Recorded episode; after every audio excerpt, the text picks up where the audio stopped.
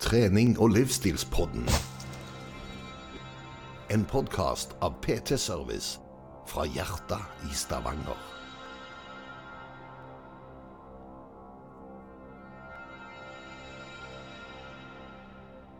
Da tenker jeg at vi starter show opp igjen. Nå er det på, på høy tid. Vi får uh, bilde og lyd og alt som hører med. Det ser ut som det fungerer i dag òg, Anders. Åh, oh, nice. Nice, nice. Hei og hjertelig velkommen til trening- og livsstilspodden. Eh, takk for at du ser eller lytter på oss. Altså det Med oss vil være meg, Lloyd Georg Færvik, og Anders.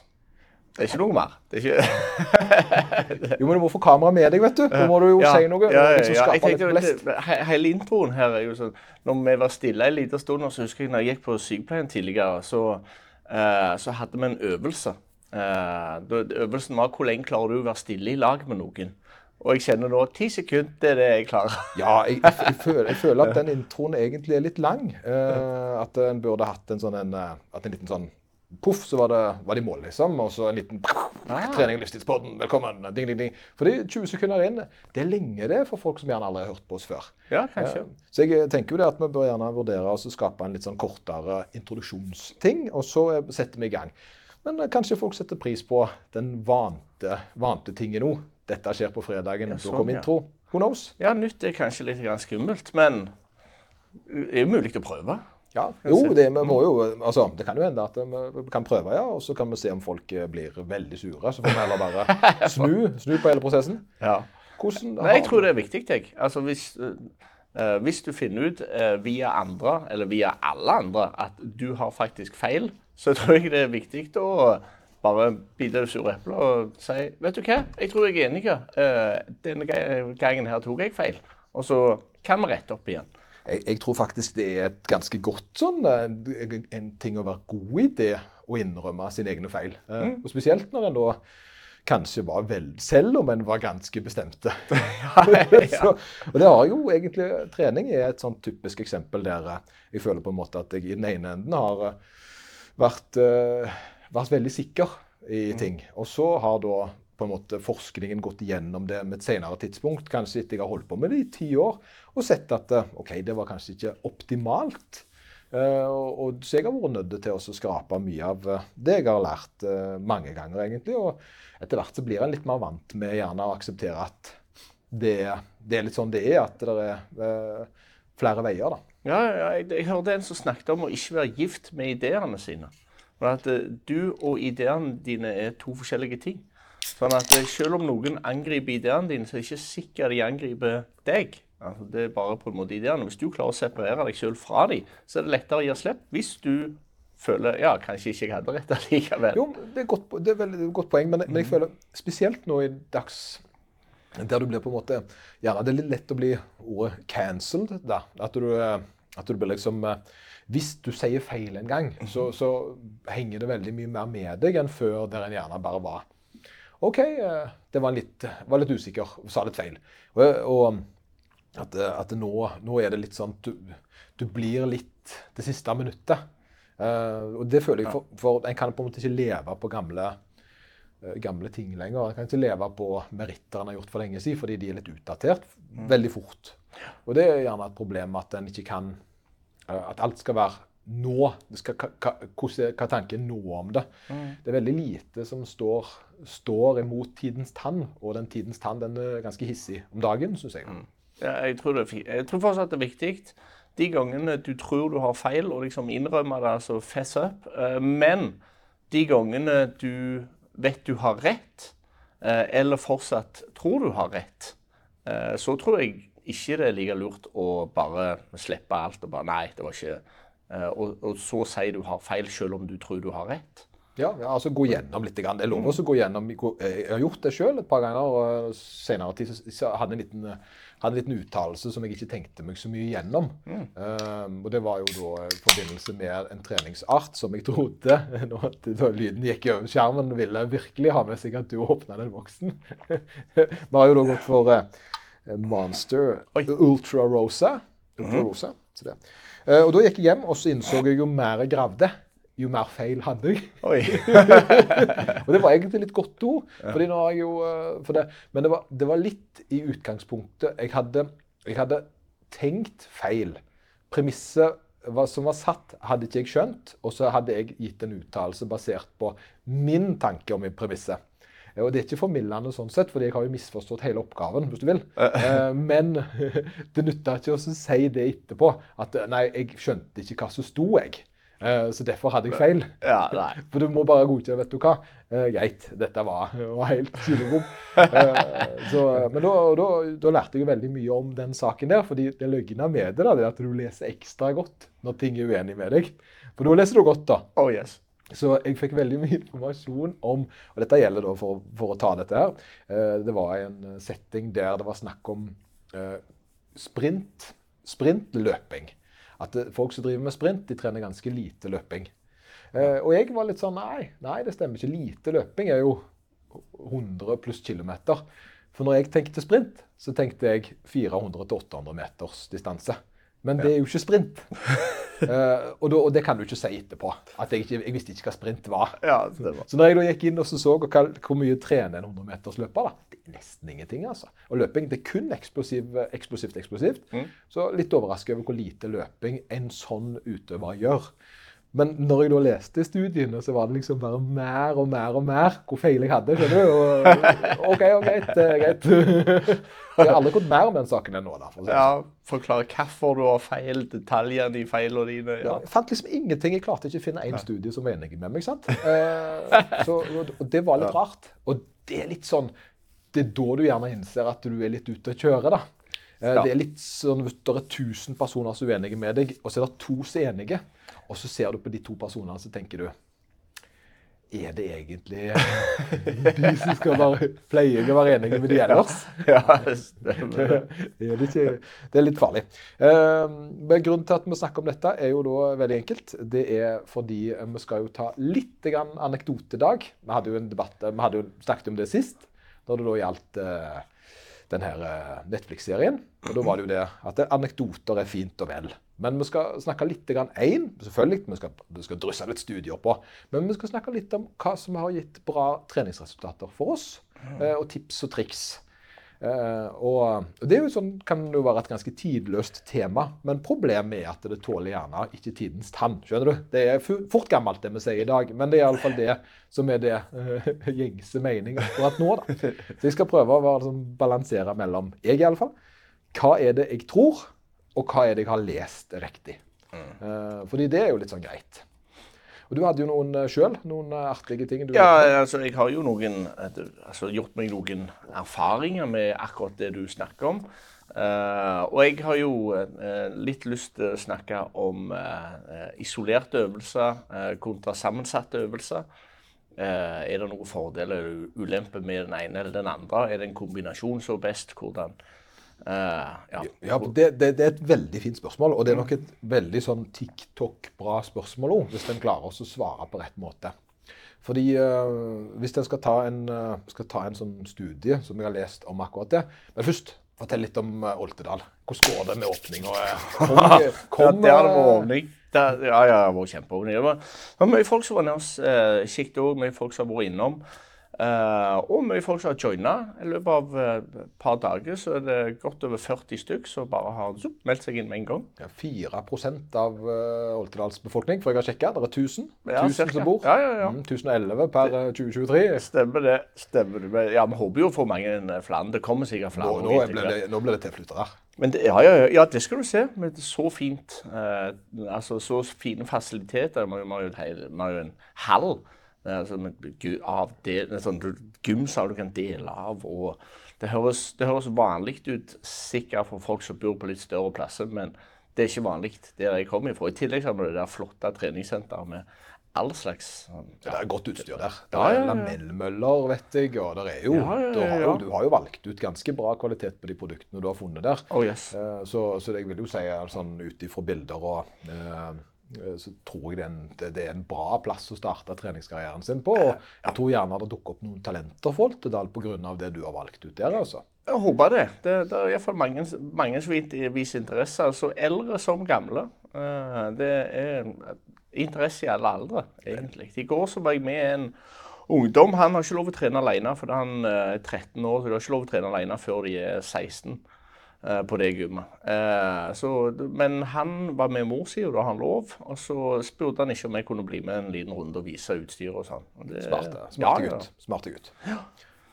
Så eh, det, det, det jeg, Og min treningsglede òg har jo bare sprunget gått rett i taket. Litt vondt i ryggen eh, fra før av, da, men det er jo sånn, nå har jeg jo ekstra lyst til å trene når jeg går der. der så Du er stolt nå. Ja, men Ja, det er noe med altså, altså Det ene er jo at du har jo valgt ut dette utstyret. Det er jo du som har håndplukka det. Og, det, det, det er for meg Det høres veldig rart ut, kanskje. Er det, er det noe en skal henge seg opp i? Men jeg, som styrkeløfter, så tror jeg det er en En er veldig opp, opphengt i Forsiktig nå, Anders, men hva stangen har.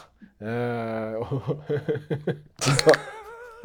um, benk, Altså de detaljene da, som en på en måte blir vant med når en gjør 1000 på 1000 repetisjoner, det er noe som en liker veldig godt. Eh, Og det er klart at eh, når du da har valgt disse, det utstyret du har valgt der, så gir du folk en Jeg, jeg vet ikke om det, om det er så mye å si på å løfte på suboptimalt utstyr. Eh, Jeg tror mange kunne trives med det, men eksempelvis gode benker som er, som er lagd for å trene benkpress, jeg gjør det jo litt mer eh, kjekt for nye, nye folk, da. Og, og det er jo eh, du, har jo da vært med på å velge ut hva du skal ha, og, det, og, da, og da gjør det jo at det blir at det blir eh, Folk kommer og får gjort det de skal. Så, men eh, men da, da kan vi jo da, når vi har fargelagt det, så kan vi jo da gå over til dette her med maskiner, da. Eller da å trene compound-øvelser. Der du har knebøy, benkpress og markløft, som er øvelser som da har mye Som rekrutterer flere muskler samtidig. Eh, Da kontra isolerende øvelser, som da handler om å gjøre én muskel av gangen. Og, og her er jo greia at eh, la oss først ta én debatt på den, som er litt spennende. Det er det maskiner mot eh, frivekter. Hva er best? Eh, og, det, og det er jo noe jeg som styrkeløfter og litt oldtimer Jeg har jo alltid lært at knebøy det er den øvelsen du skal ta for beina. Beina, eh, og det er det som på en måte Alt annet er bare vas, da. Det, men, eh, men eh, forskningen der er ganske tydelig på at eh, hvis intensjonen din er å bygge spesifikke muskler, så det, spiller det egentlig liten rolle om du gjør knebøy eller om du gjør en type beinpress da, for spe de spesifikke musklene du skal jobbe med. Eh, Men selvfølgelig blir du bedre i knebøy av å trene knebøy enn du gjør hvis du trener beinpress. Så den spesialiseringsdelen må du da legge til siden. Eh, Så hvis intensjonen din er å bygge muskler, så kan du fint gjøre apparater. Du kan fint da gjøre, gjøre det det tilsvarende bra, så lenge du isolerer den muskelen du vil jobbe med. Men med en gang du da skal gjøre en øvelse som knebøy, der du har en spesialisering, en bevegelse, så vil det da være naturlig at du har den øvelsen som primært. da. Og Når vi da går over på det neste temaet, som er da eh, compound-øvelser mot isolasjonsøvelser, så sier det seg sjøl det at eh, du trener mer øvelser samtidig i knebøy. Du trener hofta, du trener lår, du trener litt forskjellig. Men så kan du da isolere disse med f.eks. leg extension, f.eks.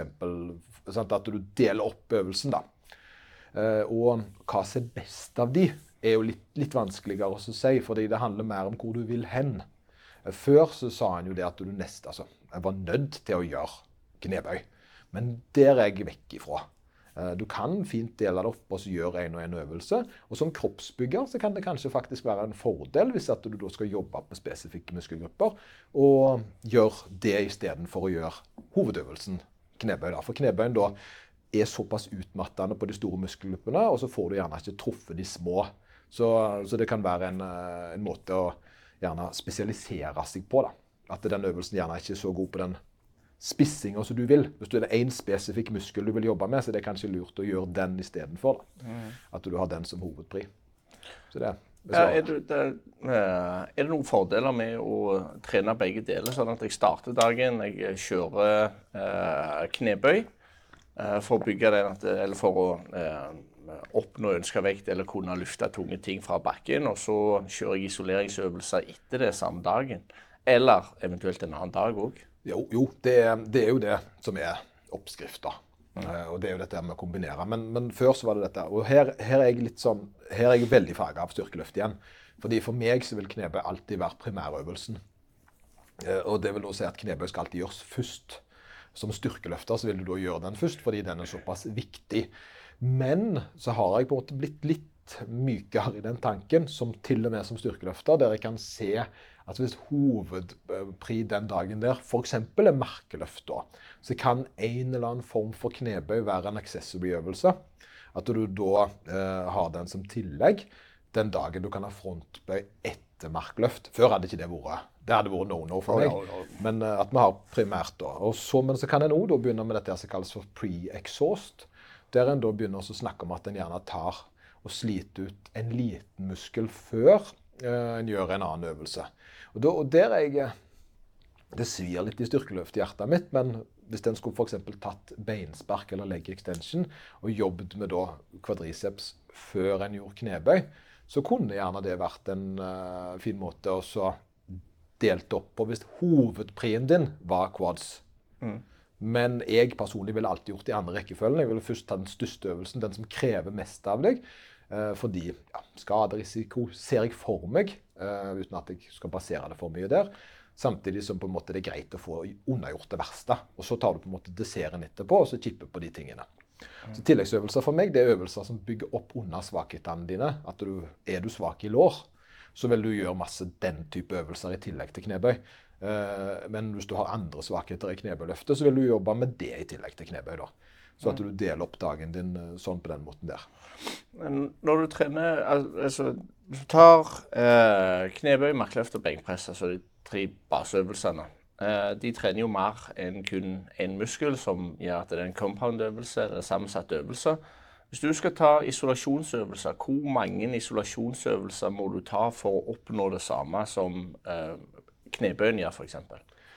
Jo, um, som vi ser, altså, det, det, er et godt spørsmål. fordi um, du, du, Først svare litt avansert, og så prøve å gi et lettere svar etterpå. uh, fordi Det handler jo litt om teknikk. da.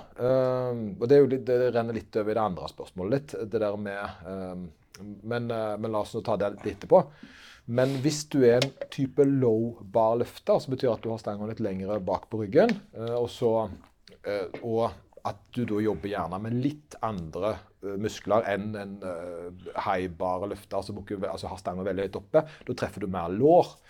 Hvis du har mer vinkler med i spill, sånn som jeg f.eks., som må stå veldig foroverlent når jeg løfter knebøy, så vil jo jeg ha høyere belastning på type korsrygg enn en person som sitter veldig oppreist, som har kortere lårbein. Så det handler jo mye om anatomi, da.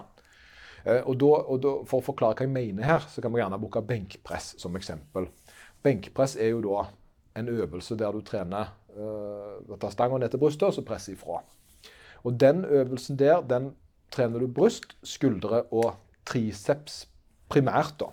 Men det er òg litt støttemuskulatur rundt skuldrene. Det er mange muskler involvert. Til og med litt rygg, kanskje, og til og med litt biceps.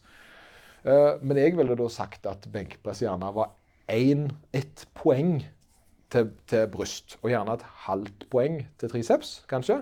At en skal på en måte definere det litt sånn at en, eh, at en da ikke gir det ett poeng pluss ett poeng. For noen så blir det jo gjerne sånn at du bruker mye triceps fordi du holder smalere. Men hvis intensjonen din er å trene eh, vanlig, så ser en på en måte Hvis vi skal ta studier nå, så ser en det at det, eh, å ligge mellom 12 og 20 sett i uka på en muskelgruppe, det er der en kanskje vil ligge. Og hvordan finner en ut av det da, hvis en trener mye knebøy ikke sant? eller benkpress og markløft? Jo, det er jo da å fordele det litt sånn. Så da tenker en OK, med benkpress så har en da ett poeng i bryst. og det er da, Før så tenkte vi repetisjoner, det har vi jo snakket om. Mm. Men nå tenker vi mer uh, sett, arbeid, sett. Og så differensierer en om en driver med hypotrofi, muskelbygging, eller om en driver med styrketrening. Da, at det er menn, altså, om hovedintensjon, men likevel så teller vi det som si poenget. da. Mm. Så blir benk ett poeng. Eh, og for bryst. Så hvis du da hadde trent 20 sett med benkpress, så hadde du jo da fått 20 poeng.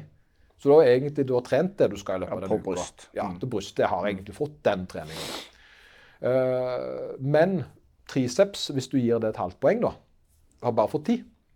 Så da har du gjerne ti sett du vil fordele over andre øvelser som spesialiserer seg innen triceps. Mm. Så der har du tilleggsøvelsene. da det er jo da en styrkeløfter som på en måte skal jobbe litt med svakhetene sine. ville gått der. Av og til skulle du gjerne tenkt at du skal ha mer sett på triceps fordi det er en svakhet. At det skal bli en prioritering. Så at en går liksom over der og har mer på den, mens da en gjerne tar det, de plassene som ikke er så viktige, litt annerledes.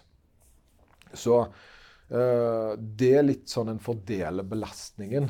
Når, men en må på en måte finne litt, for det fins ikke en sånn ennå i alle fall, en sånn skala som sier ok, her knebøy, den gir så og så mange poeng på hver av muskelgruppene dine.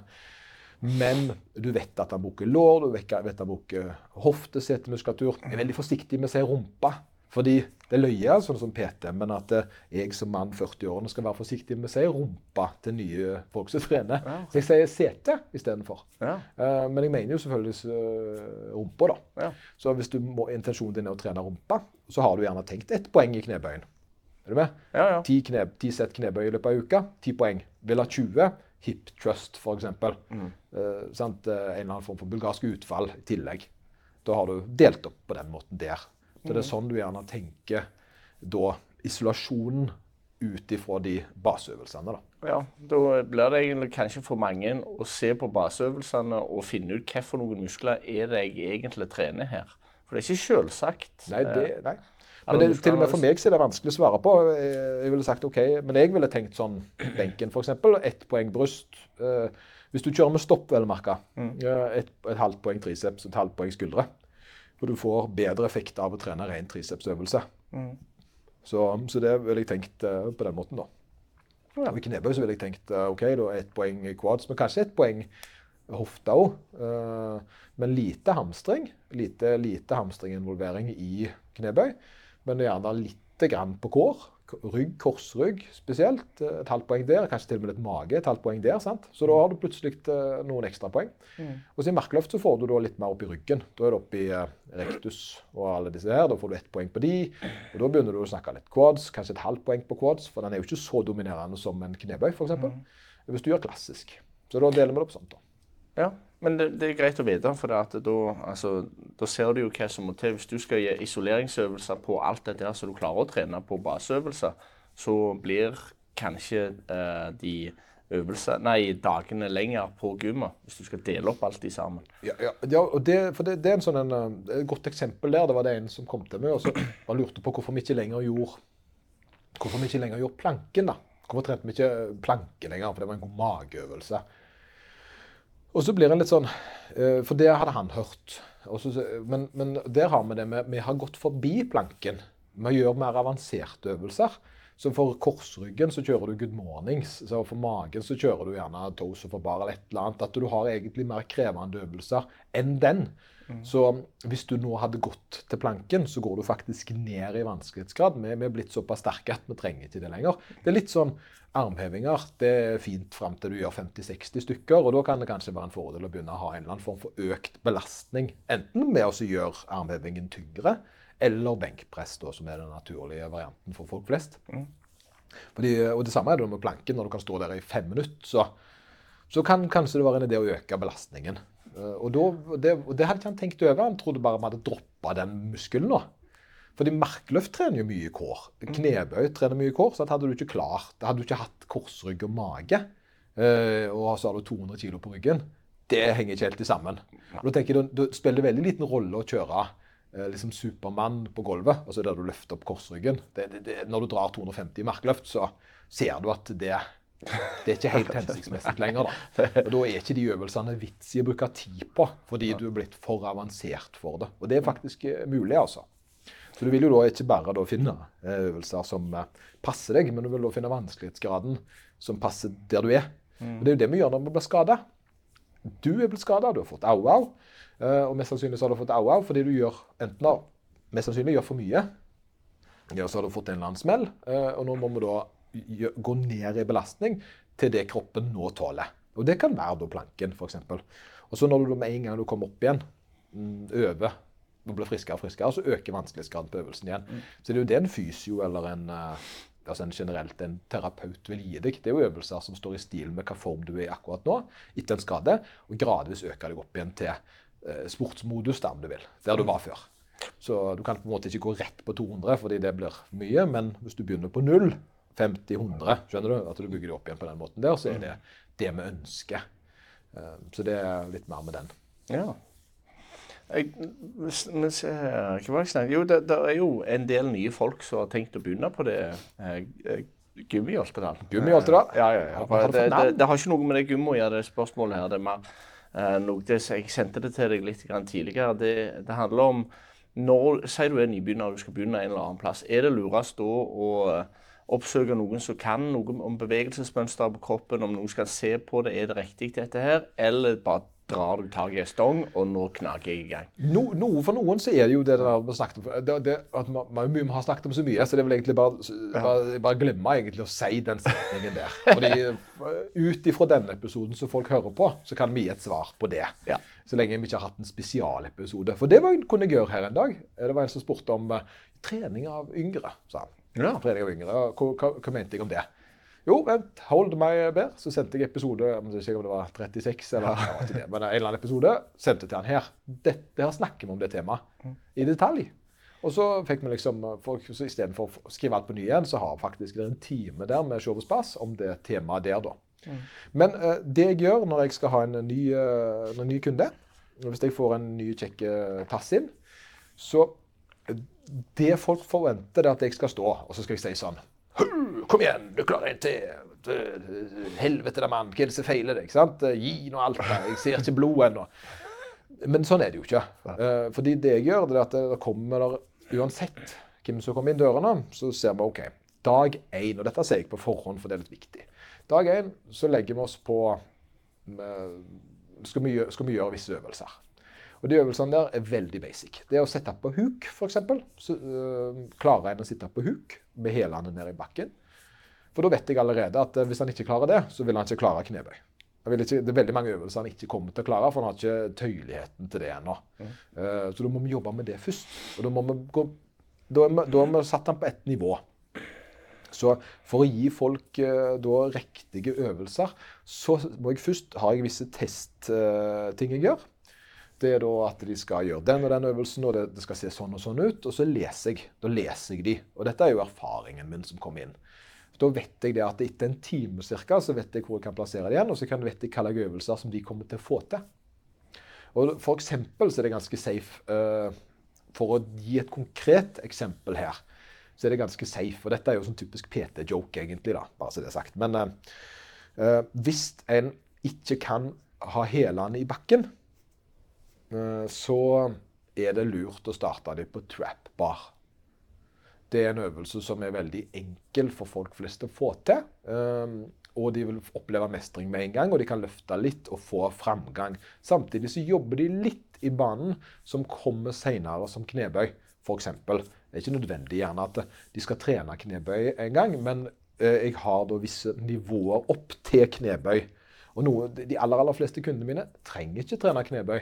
For det lærte vi jo litt tidligere i episoden. at eh, En må ikke trene knebøy for å få resultat. Men hvis du skal spesialisere deg i knebøy, så er det lurt å gjøre.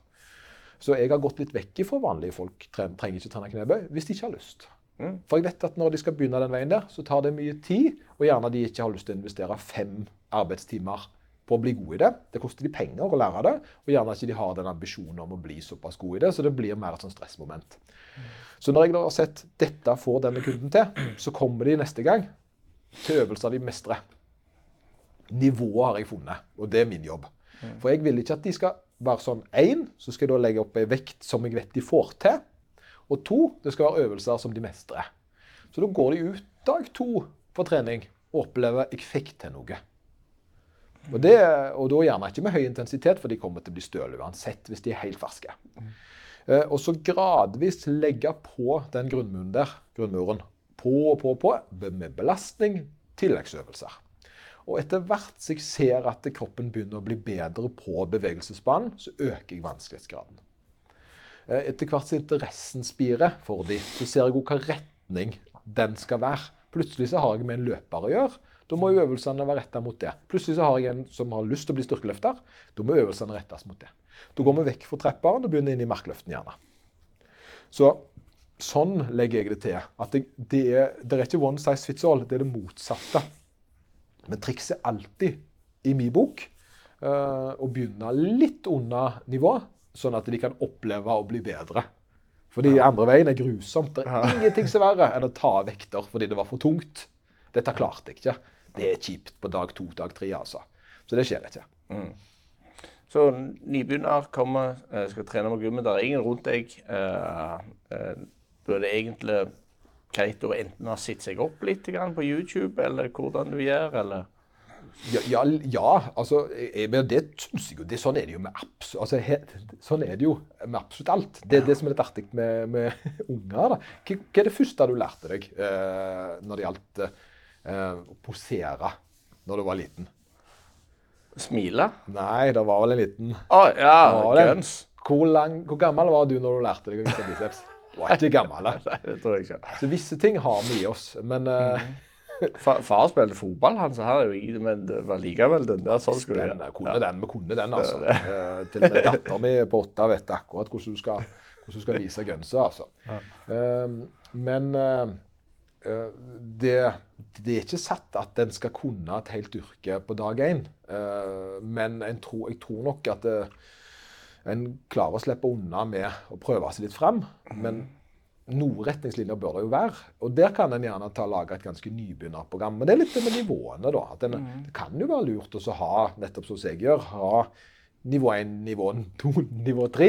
Og det er jo litt artig, for da ville du se at eh, de 16 år gamle guttene de begynner alltid på nivå 3. Og så vil du se at de 16 år gamle jentene begynner alltid på nivå 1. Selv om det burde vært motsatt som oftest. Og jentene har mye mer kontroll. Veldig rart. Men, eh, men det er litt med selvtilliten å gjøre. Så Visse ting vil du ha med. Sant? Du vil ha med en eller annen form for baseøvelse på bein, som, sant? sånn som trepper. En eller annen form for pressøvelse, som da skråbenk f.eks. Eh, med hantler eller apparat, hvis du har det. En eller annen form for skulderøvelse, en eller annen form for trekkøvelse. At du på en måte legger inn et program, gjerne et fullkroppsprogram, så de kan trene to ganger i uka. For det, når de kommer helt inn da, så har de en liten sånn mal. Pang, kjempelette mal. Og så, for da har de på en måte begynt allerede litt forståelsen, da. Eh, Det de aller aller fleste tror, dette her med sett, det er jo en annen ting. Nå føler jeg bare jabb. jeg. Anders, du må snakke. du. Ja, ja, bare jabb i vei, du. Det, er, men det, det svarer egentlig på mer enn spørsmål òg, for det handler litt om hva hvilken informasjon bør de eh, plukke opp altså før de eventuelt begynner. Ja, for Vi fargelegger litt denne episoden med her med at du driver et senter i Oltedal, og du har lyst til å hjelpe Ja, ja, ja. Det er jo det som skjer.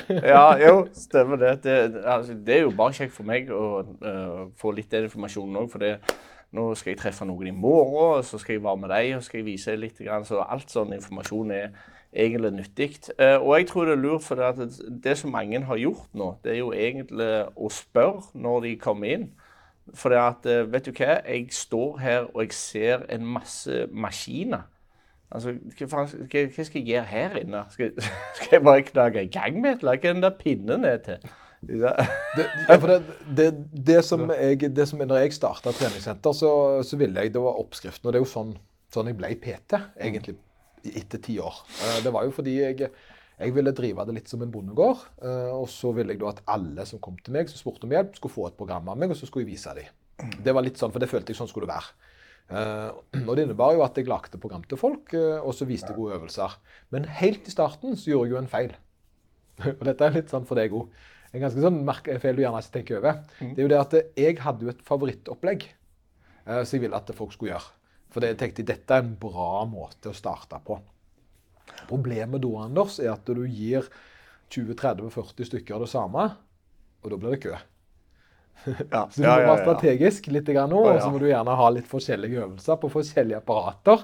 Du fortelle, nei, nei, jeg skal fortelle hvor farlig knebøystativet er. Det, ikke ta den. Benkpress, bare hold deg vekke. Der kan du kveles. Det er ikke måte. Det er kun lite, lite, Svimmer du av der, så dauer du. kun en av eierne får lov å bruke det. Det er, bare, egentlig, det er egentlig ikke bra trening heller. Det så, men det er litt viktig at du på en tenker, for her må du må tenke ikke bare å lage et treningsprogram. Du må Ja. må tenke at det faktisk skal være noe som kan gjennomføres der.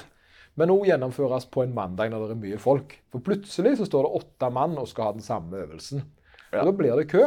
Men køkultur bør en jo lære de. Mm. og det, er det, det er ting som jeg hadde likt å sette på veggen. Hvordan deler du på et apparat? For det er det ikke mange som skjønner. Kan jeg gå imellom? Ja, det kan du. Eh, hvor? Det du gjør da, det er at du sier her, tusen takk, jeg får lov å være med. Hvis den andre personen svetter litt, lurt å vaske mellom seg. Ha en liten vaskefille. Det kan være greit. Ingen skal bli fornærma av det. så kan regelen gjerne være at den som går av apparatet, setter vekta på det den sto på før han kom på. Sånn at de setter på vekta til hverandre.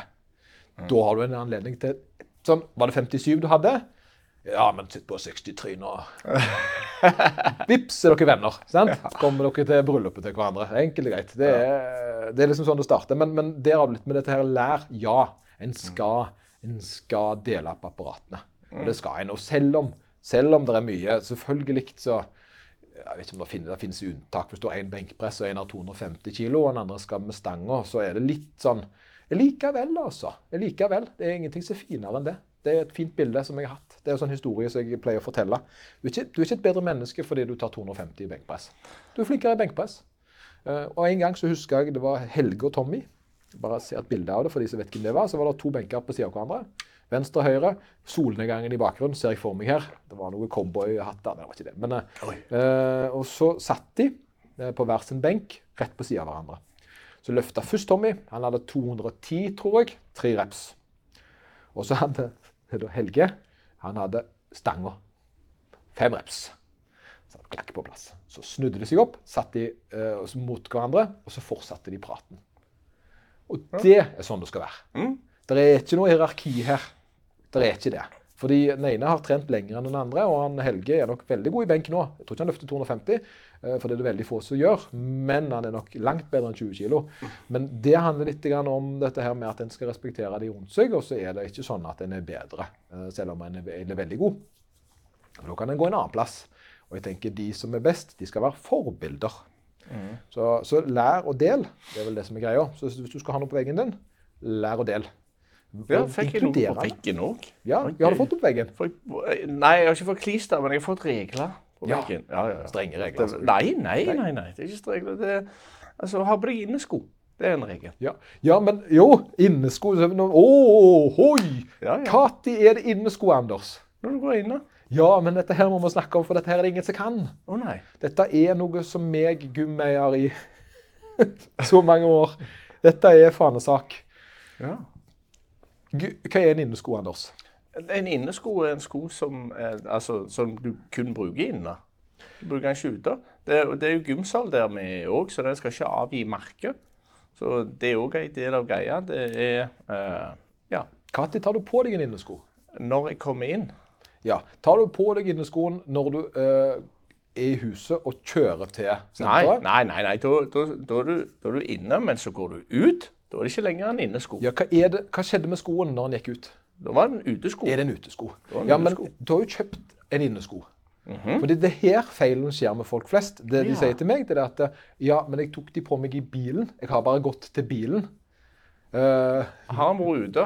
Har han vært ute? Ja, ja, for det, der er, her er det meg og deg er enige, men det er, det er urovekkende mange folk rett mot kamera, som ja. tror det at det er fortsatt en innesko, selv om du har gått gjennom 20 meter med slaps og grus. Mm. Da er det ikke en innesko lenger.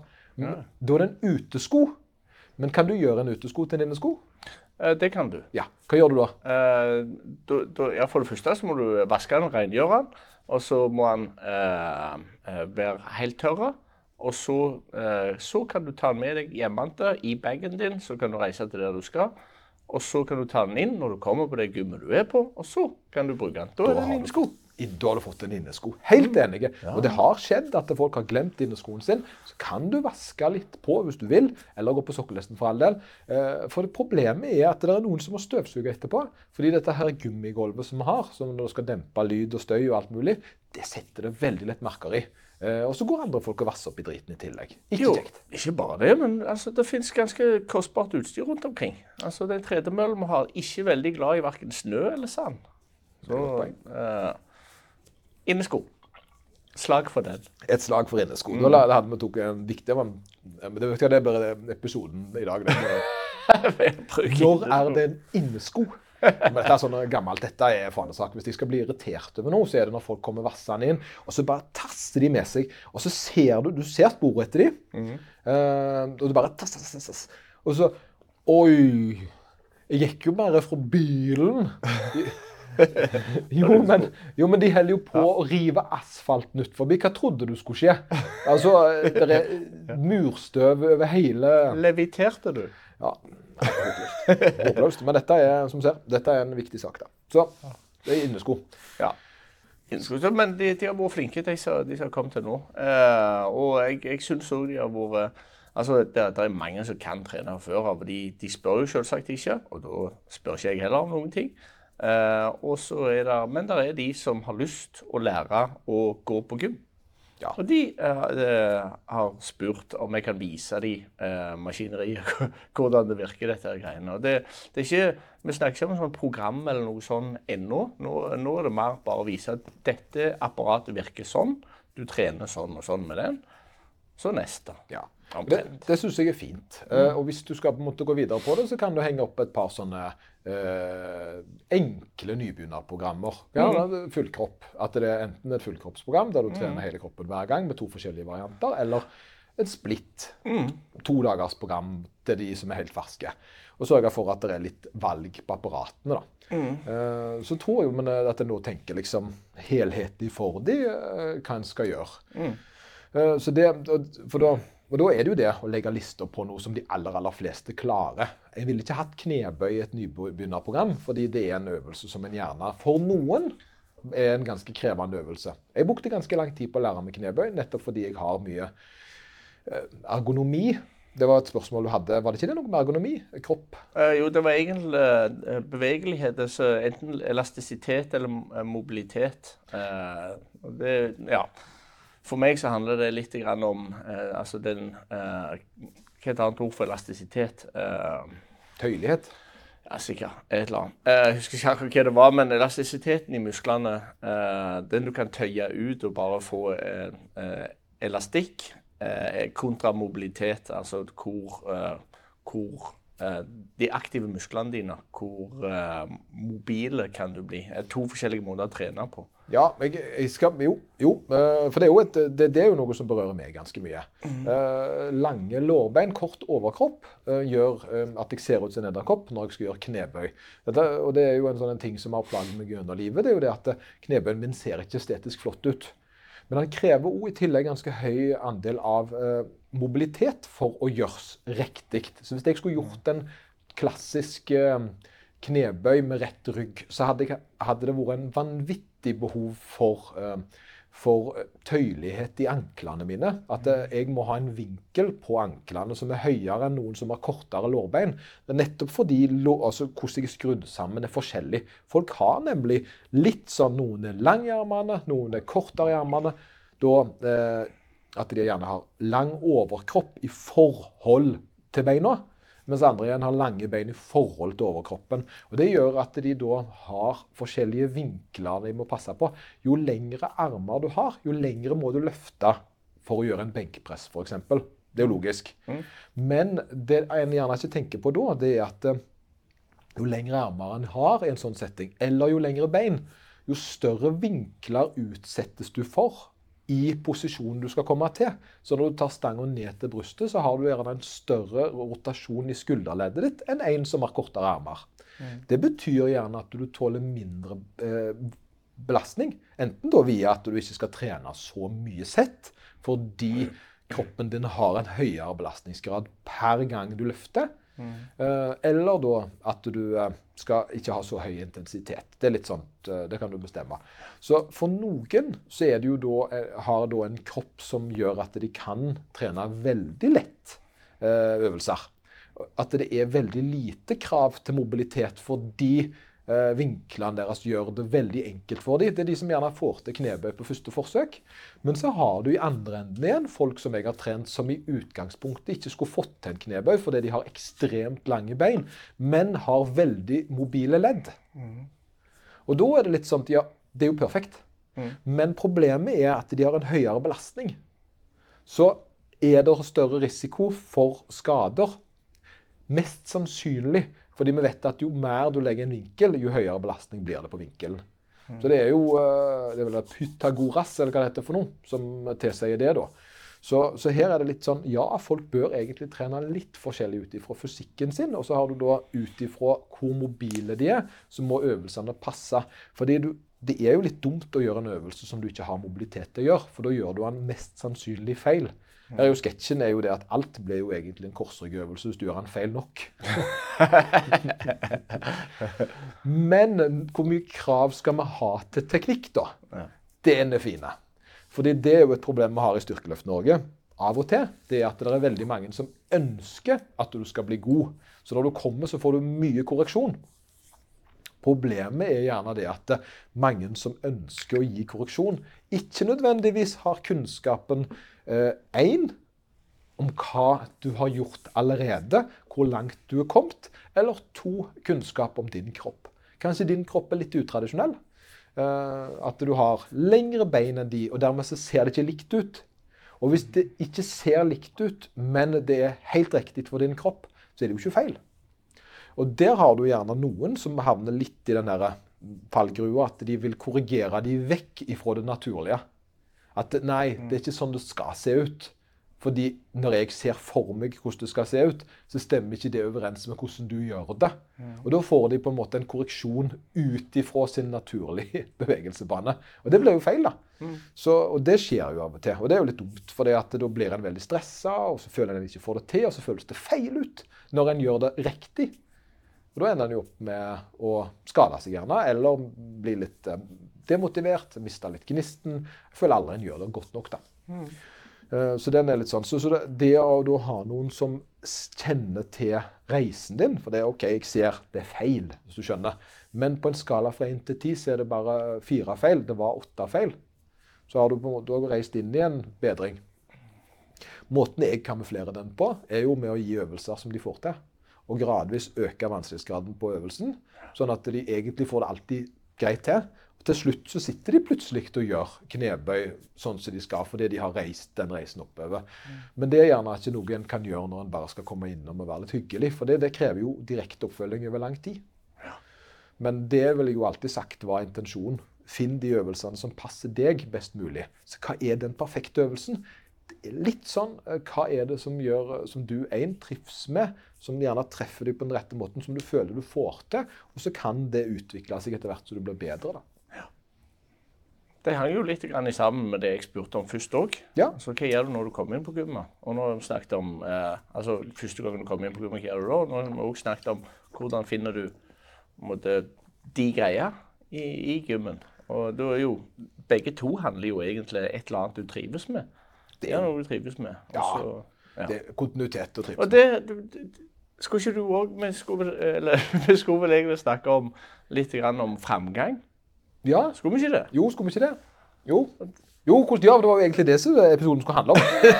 jo, jo, jo, jo, jo, men framgang altså, uh, Misforstå meg rett. da. Dette her er jo uh, neste fokus. Morsomt uh, studier igjen. Um, det var da Lane Norton som kom med en fin en. Han har jeg syns jeg har mye bra. Ikke så glad i formidlingsevnen. Jeg syns han er litt sånn frekk. Sånn, bedre, ja, litt sånn, litt sånn tøffing. Men kanskje han må være det for å være synlig. Men han drar av og til fram noen gode studier, syns jeg, og så leser jeg studiene. og så, uh, Han er jo i, i, det miljøet der de studiene dukker opp på. Og, da, og dette er jo f.eks. hvis intensjonen din er å bli sterkere ikke bygge mest mulig muskler, vel merke, fordi det er litt forskjellig. Dette har vi snakket om litt før. Men igjen så var det det å banke hjem at du trenger ikke uh, å gå helt til feilgjør. Du, du faktisk så motvirker det litt intensjonen din om å bli sterkest mulig. Med da, For det du, det du ønsker når du skal bli sterkest mulig, er å prøve å flytte ei vekt fort fra A til B. Fra bånn til topp i knebøy, fra bryst til utretta i benkpress. Du skal prøve å bevege den så fort som mulig. Og Det gjør du med å trene eksplosivt. Og så gjør du det gjerne med å holde litt reps igjen i tanken og bare fokusere på å være eksplosiv. Men hvis du løfter den helt nærmere failure, så ser en gjerne at det faktisk går negativt utover resultatene dine long term. Mm. Så hvis en da skal spesialiseres imot en retning her, så vil en òg velge etter hvert, når en har kommet inn til dette her studiet i Oltedal, og så Hva vil jeg først? Så trener en. Så trener en, og så blir han vant med kroppen sin, og så blir han vant med å finne ut hva han holder på med. Og så begynner han å skli litt utover ønsker jeg å bygge muskler, eller ønsker jeg å bli sterkere eller bedre i en ting. Og det er litt forskjellig trening, da. treninger. treninger da, så nå for eksempel, så har jeg en som sendte mail til meg, så sier han ja, det var så lett i dag, så jeg trente mer. Jeg trente tyngre. Jeg liker å trene, men ta meg ut. Sant? Ja. Og, da, og da, da må jo jeg være den voksne og så si her eh, er treningsprogrammet ditt. Eh, fordi intensjonen din når du kom til meg, var å bli sterkest mulig. Her i studien, så kan jeg forklare det at hvis, Nå hadde du ikke så tung øvelse, denne, for vi skal trene teknisk. Vi trener teknisk, og da kan ikke du ha så tungt. Du klarer. For det var ikke intensjonen her. Intensjonen er at du skal bli sterkest mulig. Så jeg må forklare han hvorfor han ikke skal trene seg helt tom. da. Fordi målet hans står ikke i stil med det han jobber med da. Så det er noe med å lære seg retningen og spesialisere seg mot den. Så det er jo på en måte da når en har kommet forbi det å være nybegynner, egentlig bare forstå litt. Grann. For alt fungerer i starten. Da handler det om å rekruttere kroppen, bli god til det, forstå det viktigste, the ground principles, som du vil. da. Så kommer spesialiseringa. Og da er det visse ting som er viktig. Eh, For eksempel da, så var det spennende. Igjen en studie som jeg leste da. Eh, En, hvordan skal en repetisjon se ut? Det er litt eh, kult. Og det kunne jeg arrestere en på tidligere i dag. En repetisjon per nå uh, bør da være med full range of motion. At du har full strekk. At du ikke stopper halvveis, går halvveis, men at du tar hele armen. At du tar f.eks. hvis du skal trene biceps. dette her. Eller dybde. Hvis du skal ha maksimum eh, resultat per repetisjon, så vil du ha maks strekk i muskelen. Eh, Det er, da, eh, det, det det studiene backer opp. De har ikke testa hva som skjer hvis du utelukkende trener eh, For det er litt sånn vagt eh, ytterkantsposisjon. For den ser det hvis du klarer å få mest mulig strekk, så det er bra. Så du vil virkelig få strekken på deg. Samtidig så vil en da prøve å være eksplosiv, altså at en vil bestemt løfte opp i biceps, og ikke slippe ned. At en har da i den konsentrisk, tror jeg det blir, eh, delen av øvelsen, Holde litt igjen. Ja, at en, men ikke at en skal på en måte bruke mye tid, da, men at en ikke bare slipper. En har en fordel av å være med ned, kont kont altså kontrollert begge veier.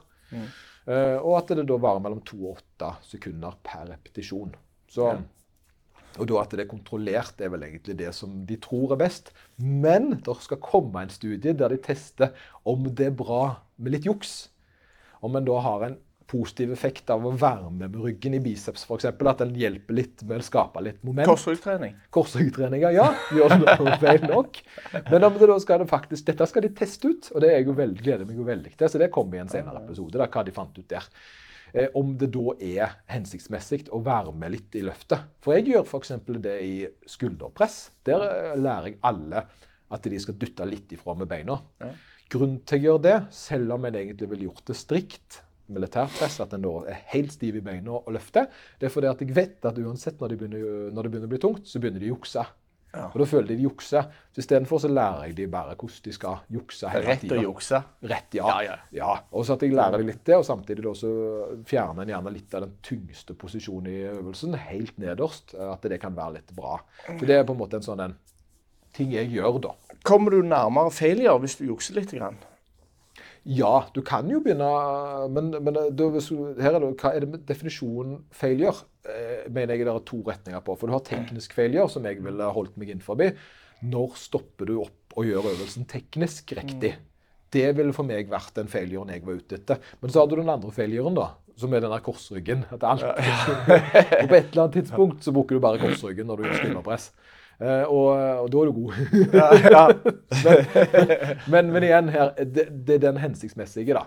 Ja. Eh, ja, du kan hjelpe litt til, og du vil nok få litt mer effekt hvis fokuset da er hypertrofi. Ja. Ja, ja, nei, det var det jeg tenkte. Altså, er Hypertrofitrening, så ønsker du å komme nærmest mulig failure, så kjenner du faen, jeg har ikke en igjen. Ja. Men Nei, du, vil ikke, du vil ikke gjøre til failure heller, ser du. Det er det som er, Til og med med hypertrofi Ja, så vil du helst ta en rep i tanken. Eh, og dette er jo litt sånn eh, For det er å, du er det failure som er tingen. Nei. Men det, er, det argumentet her er jo da Det er jo Menser som er en av de der eh, gammeldagse som da å, du skulle kjøre til en ultimate failure. ultimate failure. Men han er på en måte Og ideen er god, og det gir jo resultater å trene seg ut på den måten. Ett sett til failure, mente han. Men, og hvis ikke du fikk nok resultater, så var det fordi du ikke gikk til failure, failure. Okay. Men, men det er litt sånn som alltid har holdt på. at det er, altså Grunnen til at dette ikke funka, det er fordi at alle andre ikke har vært deg. Er du med? Ja, ja, det er litt den salgen der, da. Det er litt den salgstalen der. Alle andre har ikke vært deg. Det er kun du som er i stand til å gå til failure, failure. Så, så årsaken til at det ikke har funka godt nok for alle andre, det er nettopp derfor. Men du klarer det, så du skal prøve. Altså, skjønner du?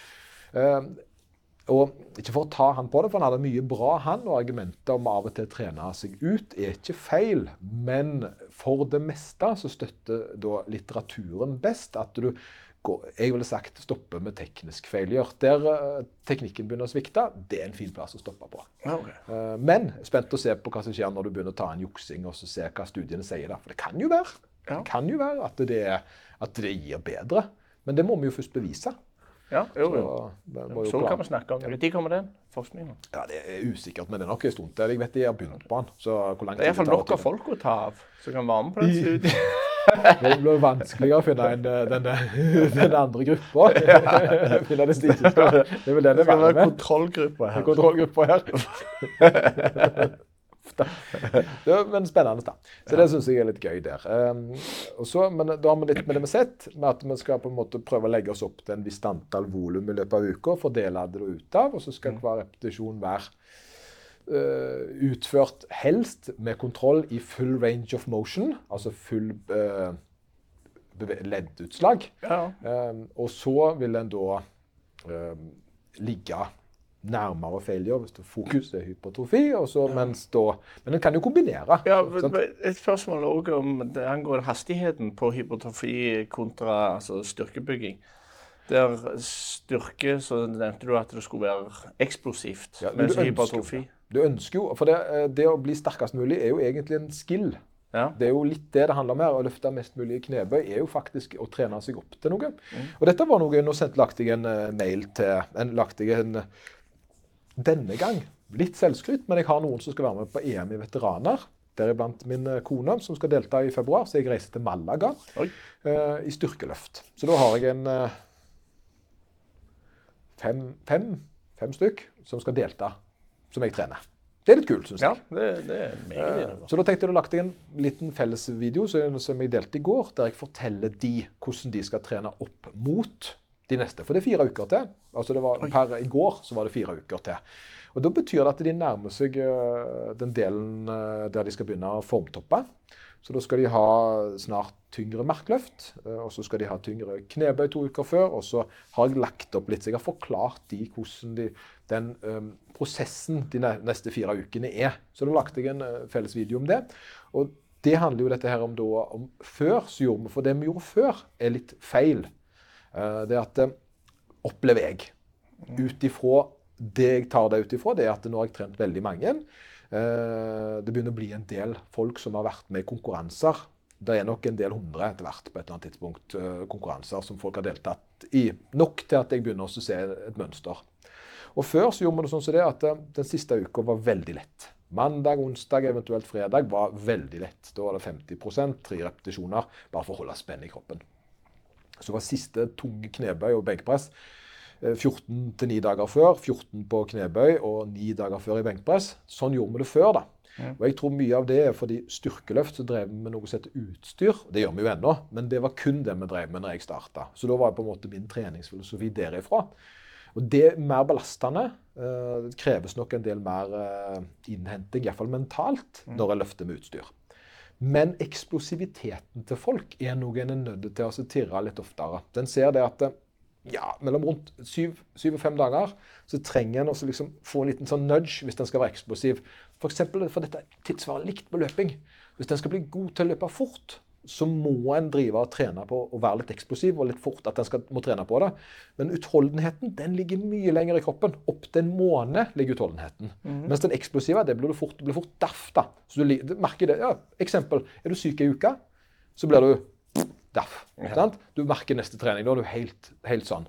Og Den eksplosiviteten der, den trenger du å tirre. Så det nye jeg har gjort her nå, da, da ikke før EM, men det siste året Det er vel viktig, for jeg skal ikke teste ut alle. Nei. EM. Skal vi ikke Eh, skal ikke ta og se hvordan, hvor galt det kan gå her. Men det, for Marken ser jeg det er en sånn rimelig mental sak. Veldig festlig med Mark, fordi han står dødt på gulvet. Så skal du bort, og så skal du plukke han opp. Så eh, når du da har plukket opp, si rekorden din er 200 kilo, da, så er du jo veldig glad. Uh, hvis du prøver å dra den igjen etterpå, så har du ikke sjans. Da er du mentalt utslitt. Eh, to dager etterpå, tre dager etterpå, mest sannsynlig ikke sjans å dra den samme vekta. Fordi du er mentalt utslitt. Sånn på et eller annet tid. Før så tenkte vi alltid at det var nervesystemet som tulla. At du måtte ha ukevis med restitusjon. Men det sier ikke studiene. Nervesystemet ditt er ganske tidlig klart til det igjen. Men det mentale, det er ikke slikt. Så du må på en måte begynne den prosessen mentalt med å jobbe deg opp igjen til å klare det. Knebøy er litt annerledes, tror jeg, pga. at du har den på ryggen. Eh, At du nødde. Så du ble litt sånn flight At du er litt sånn fight or flight-greia uansett. Det er mye lettere å run away i markløft. For det, i bøy så blir det litt sånn Ja. Det er litt mer hassle å bomme i bøy enn det i mark, altså. Eh, hvis du bommer skikkelig til mark, og så, så, så letter han ikke engang fra gulvet. Men Og da er du ferdig. da er du ferdig. Men i knebøy så er det motsatt. Og det samme er det litt i benk. da. Eh, og knebøy og benkpass er jo mindre belastende. Det er mindre tyngde. Du skal jo ikke, sant? For du har kroppen med deg, og du løfter mest sannsynlig mindre. De aller fleste løfter iallfall mindre. Det kjennes tungt ut. Ja, kjennes også tungt ut, men de fleste løfter mer i knebøy enn benkpass. da. Når du, spesielt når du tar kroppsbelastningen din og hiver på toppen der.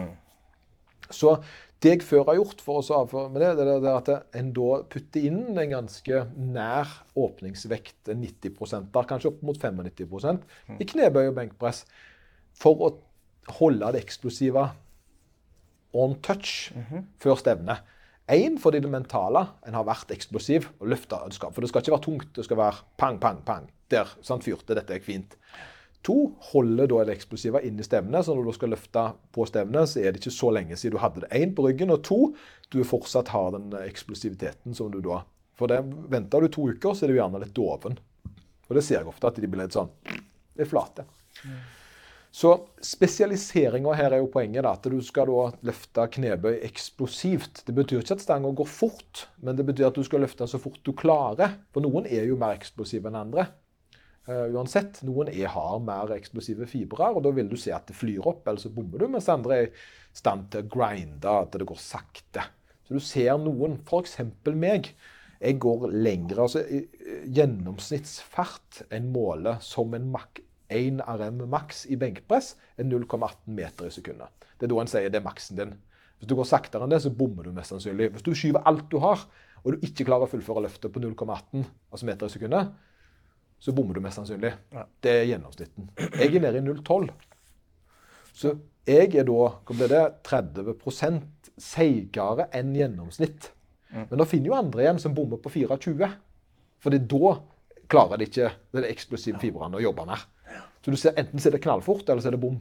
Så, der er det, så det, det er jo forskjellen igjen på spesialiseringa på folk, da, så man måtte finne ut litt hvordan de er. da. Ja.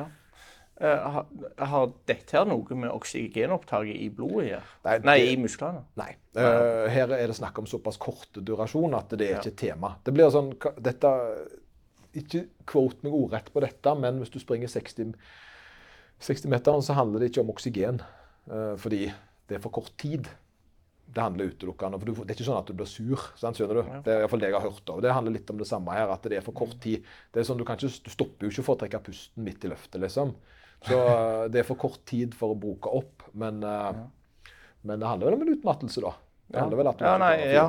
Eh, for jeg har kjent det på et par tunge løft der jeg er på vei uh, opp, men så klarer jeg ikke å holde pusten lenger. Å ja, da tror jeg du har belteforstand, vil jeg tenke. Eh, Men tilbake altså, Til vers. til uh, dette med altså, Nå har vi snakket om det å være eksplosive, og at det uh, fremmer fremgang. uh, men eh, sånn som jeg har forstått hypertrofi, så har det òg noe for seg å ikke lufte så kjapt, og heller gjøre det seinere. Nei, eh, vi, eh, Ikke? ikke? Det var det igjen. Det samme studien her viste Ja. null. eh, At dette det kalles for eh, Hvor er vi der, da? Det, det, det kalles time under tension. Ja. Uh, men det, det, var, det var lite som tilsa at du fikk bedre effekt av å gjøre det saktere. Fordi du rekrutterer mer muskler med å gjøre det fortere. ja, okay. Så det er jo litt det som er intensjonen, da. Eh, det er iallfall argumentet sist, da. Det, for dette her Ego ville jo tenkt at en hadde større grad av utmattelse med å gjøre det saktere. Men jeg kjøper argumentet med at det er mer eksplosivt, mer rekruttering. Ja. Eh, For det er jo det du vil. Du vil jo egentlig gjøre det meste eksplosivt. da. Det er Mm. veldig sjeldent at du skal bygge muskler med å gjøre ting sakte. Ja. Jo, jo. Det, jeg ser med det. Men det vil jo gå sakte etter hvert. Og din sakte er din sakte. Det er jo det som er for noen som jeg sier, er jo veldig eksplosive. Og da vil det jo være veldig rart at de ikke klarer å jobbe når det ser ut som det flyr. Eh, men, men ofte er det de da som, som uh, At det er one size does not fit all. da. Men så er det jo det igjen at hvis du gjør en øvelse saktere enn en annen, så har du jo faktisk mer belastning. Hvis en person løfter 100 kg på ett sekund, eh, så er det jo Bruker han vel egentlig Hvordan blir det da, da? Matematisk? Litt usikker, men eh, hvis den personen gjør det samme på to sekunder, så vil det jo være høyere grad av utmattelse på musklene, vil jeg tippe, for de står jo lenger i samme posisjon. Så, eh, så det, det varer lenger, vil jeg tippe. Så det er jo da gjerne en høyere grad av restitusjon på en som er mer utholden i muskler, så det går saktere på. Det kan gjerne tenkes, uten at jeg vet det. Det vil jeg tippe. Men det, der går det litt med at en ser det med hva type folk er. eh, og at en da skreddersyr litt opplegget rundt dem. Men det er ikke noe en skal tenke på i starten. fordi i starten så, så, så er en såpass langt ifra den potensielle maksen sin at det, det er nesten litt vanskelig for dem å skade seg. Uh, fordi de eh, Altså på vanlige øvelser med vanlig belastning så skal det nesten litt uh, litt til, fordi uh, de er ikke så gode til å ta seg ut ennå. Det som oftest skjer når folk skader seg Det var sånn som den ene kunden her som sa at han, han hadde fått kink i ryggen når han var ikke tannlegen. Men, og her er jo det da at det, det høres litt løye ut, for han fikk det da mens sant, han lå nok skjevt eller et eller annet, sier han. Men problemet var nok allerede der, og så var det da den siste triggeren på toppen. Han har ikke lagt seg på magen eller stolen. Skjønner du, hvis han prøvde å komme inn den veien, så er det jo ikke rart at så, Men, eh, men eh, at eh, hvis du får vondt i ryggen av å gjøre en ting, så er det som oftest en samling av ting. Samling av et resultat av veldig mange faktorer på forhånd. Men problemet ofte er at folk tar den siste tingen de gjorde, og så gir de den årsaken, da. Ja. Det, det, det er jo Jeg vet ikke hva det var. Det var de siste tre repsene på biceps curl. Når du heiv det der. det gjør. Se på studien, kan Ja, sier si etter hvert. Så da, vi snakket jo om at vi skulle spille inn en episode i eh, herlige Oltedal. Oh, Eh, ja. ja. Det må vi prøve å få til. Nå har jeg grunn til å ta med meg drone òg, vet du. Ja, ja, ja. Drone og utstyr og eh, full pakke. Og så jeg har noe indrefilet og noe hjemme. Oh, ja, stemmer det. stemmer det. Der er en, skal få eh, hive til gårds. Det er en hjort der. Men jeg tror vi har gått gjennom opplegget. Har vi det? Ja, det tror jeg. Ja, Eh, eh, De spørsmålene jeg sendte av gårde, de er besvart. ja, jeg kommer ikke på noe mer. Jeg. kom ikke på noe mer. Eh, Så da sier vi Da må du ta uh, out. Og hvis folk lurer på noe, eller hvis de har lyst til å kommentere eller like, og sånn, så er vi på. Vet du, den Instagram Det var noen som var på Jeg hørte en som hadde en forelesning i går. Han har vært på en eller annen videregående skole. Og så hadde han sagt at eh, Og så er jeg jo på Instagram. Og så hadde han sett bare en haug med tomme blikk på den videregående skolen. Altså, jeg spør, Vet du hva Instagram er? Altså, eh, så det har vært ganske rolig. Å, ja, men de ville Altså, det var vel Jeg, tror det at For å si det sånn Jeg er jo inne i dette miljøet her. Ja, ja, ja. Men uh, de aller, aller fleste ungdommene Nå er det litt sånn TikTok er litt uh, teite tider. Instagram er blitt litt inn igjen. Men jeg mistenker nok det. Det som, det som skjedde der, det har skjedd meg òg. Det er det at uh, Hvorfor skal de følge meg? 20-åringene. Hva er det jeg kan tilby livet deres, så de ikke har en bedre influenser til å gjøre allerede? Eh, Det er vel det det handler om. Og når han sto der, jeg vet ikke han, han hadde sikkert eh, var der inne for eh, bedriftsøkonomi eller et eller annet. Så Så var det nok mer det at de visste veldig godt hva Instagram var, men hvorfor i sverten skulle de følge han? ja, det kan godt være. Og der kan jeg treffe oss. TikTok Nei, jo, TikTok, Instagram, Facebook. Alle de der. ja, men ikke Tinder. Det, Nei, ikke denne gangen. Ikke Tinder, Det- ikke eller, gangen. jo, hvis dere søker Nei. Ha det godt, Anders. Ha det godt.